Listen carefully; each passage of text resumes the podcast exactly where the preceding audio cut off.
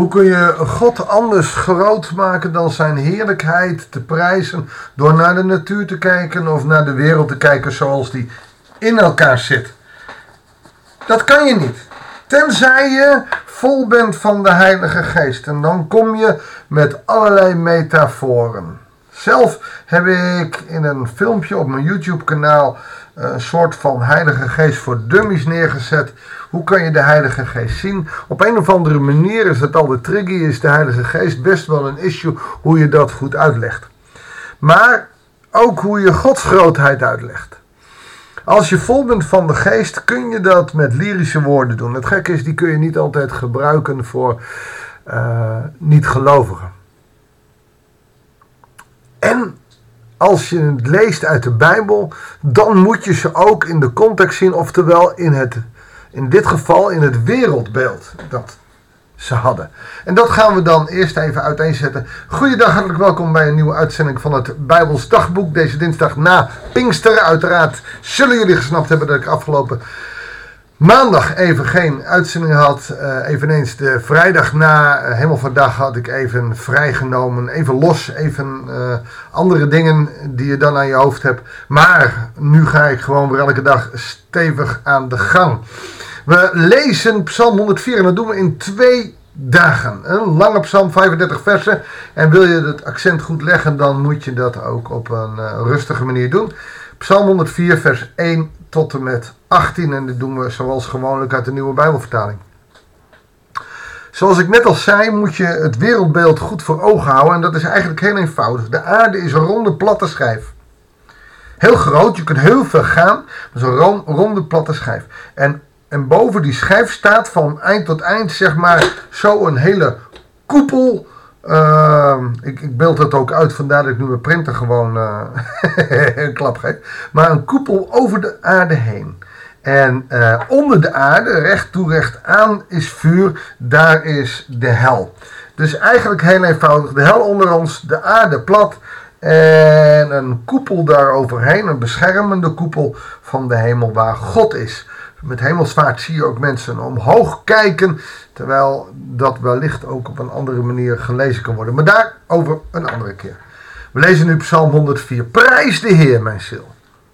Heer mijn God, hoe groot bent u. Met glans en glorie bent u bekleed. In een mantel van licht gehuld. Prachtige woorden om te zien hoe hij hier lyrisch is over God. Dat is over zo'n God die hij nog nooit gezien heeft. Uh, en daarom komt hij ook met metaforen. Uh, allereerst valt op dat de grootheid bezongen wordt. Hoe groot bent u? Hij is groter dan het heelal. Ze zijn nu net weer met een raket naar het uh, IS-station gegaan. En dat is maar een heel klein stukje vergeleken met de grootheid van God. Alle zwarte gaten te boven. Alle, alle universums die er zijn. Daaromheen zit God. Zo groot is hij. Glans en glorie zijn metaforen van menselijk. En deze is ook weer in mantel. En een mantel is menselijk iets. Maar, maar dan komt hij met een, een apart, uh, aparte metafoor. Een mantel van licht. God is licht. En dat Genesis 1 uh, associeert het al. Uh, en, en de hele Bijbel door is God het licht in de wereld. De woestijn door, uh, s'nachts in een vuurkolom.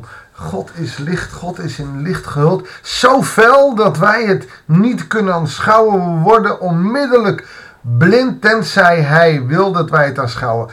weet je nog, vorige week lazen we dat onderaan de Sinaiberg. Kan Israël de grootheid van God zien? Ze zien dat witte licht.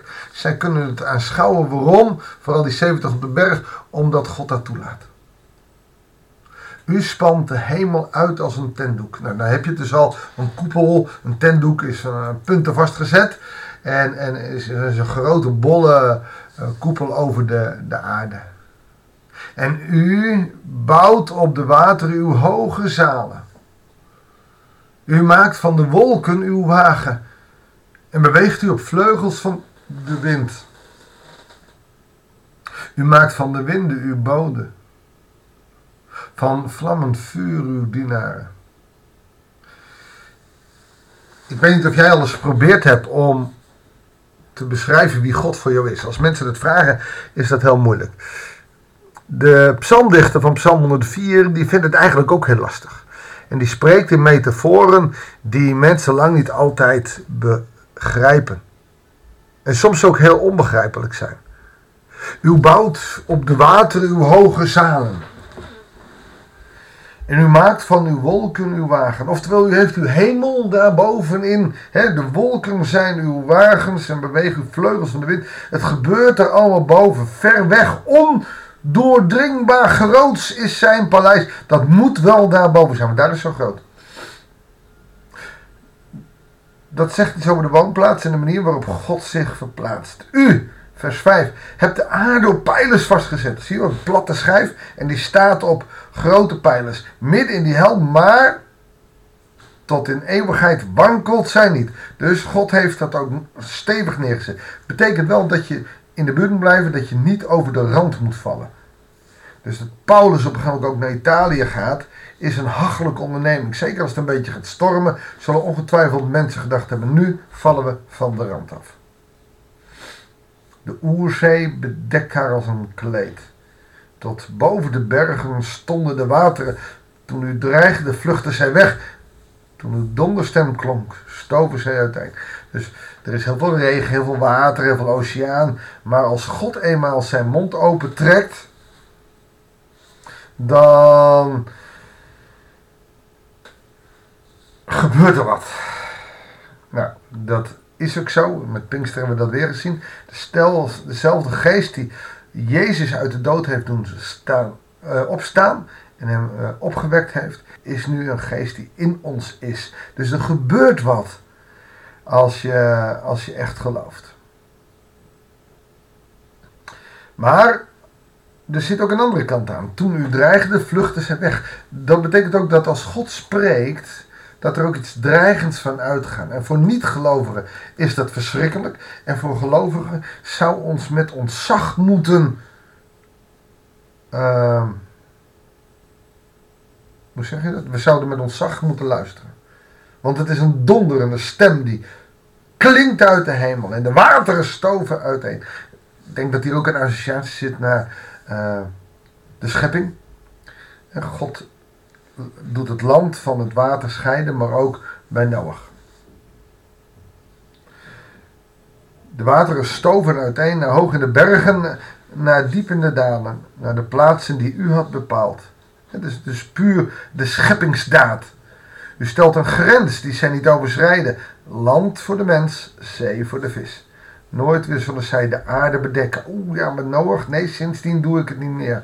Mooi hè, die associatie met de kennis ook van de psalmdichter van uh, de Torah. U leidt het water van de bronnen door beken. Tussen de bergen beweegt het zich voort. Het drenkt alles wat er leeft in het veld. De wilde ezels lessen er hun dorst. Daarboven wonen de vogels in de hemel. Uit de dichte groen klinkt hun gezang. U bevloeit de bergen vanuit uw hoge zalen. De aarde wordt verzadigd en vruchtbaar. Gras laat u groeien voor het vee en gewassen die mensen moeten verbouwen. Zo zal hij brood winnen uit de aarde en wijn die het mensenhart verheugt. Geurige olie die het gelaat doet stralen. Ja, brood dat het mensenhart versterkt. Dus je ziet hier de hemel met de vogels en, en, en dus eigenlijk uh, het, het huis van onze Heer zelf. En je ziet uh, de aarde en het water onder de aarde. Je ziet de hele scheppingstaat die voorbij gaan. En de aarde is voor de mens. Er zal brood winnen en er zal wijn hem maken. Uh, dat wat de vruchten van de bomen hem zullen geven. De bomen van de Heer zuigen zich vol. De ceders van de Libanon, door hem zelf geplant. De vogels, God is de schepper van hemel en aarde. De vogels bouwen daarin hun nesten. En in hun kronen huizen de ooievaars. De hoge bergen zijn voor de steenbokken. De kloven zuilende klipdassen. Schuilende klipdassen. Je ziet hier dat hij rondkijkt. En dat kan je op dit moment ook mooi doen. Als het mooi weer is, moet je zo om je heen kijken. Loop eens door een polder, loop eens gewoon even uit de stad of uit het dorp. En, en neem dan in ogenschouw wat de natuur doet. Dan zie je bomen nu ontzettend mooi groen zijn. Je ziet de wolken, je ziet, probeer eens een metafoor in je eigen woorden met wat je ziet. God groot te maken. Ontdek dat het grasprietje nog niet groeien kan zonder zijn aanwezigheid. Lukt het je niet? Vraag eerst om de vervulling van de Heilige Geest. Zullen we het samen doen, Heere God? Vul ons met de kracht van uw geest. Dat wij uw schoonheid mogen aanschouwen. Met eigen woorden de metaforen mogen zien om ons heen. Want u bent overal om ons heen. We kunnen u ontdekken, waar dan ook. Heere God, zegen ons zo. Als we na Pinksteren vol van uw geest mogen zijn. En zo de nieuwe tijd ook weer tegemoet. Heere God, de zomer in waarin we misschien minder kunnen. Waar mensen nog steeds negatief zijn. Wil ons hart vol vreugde maken. Een van de vrucht van de geest.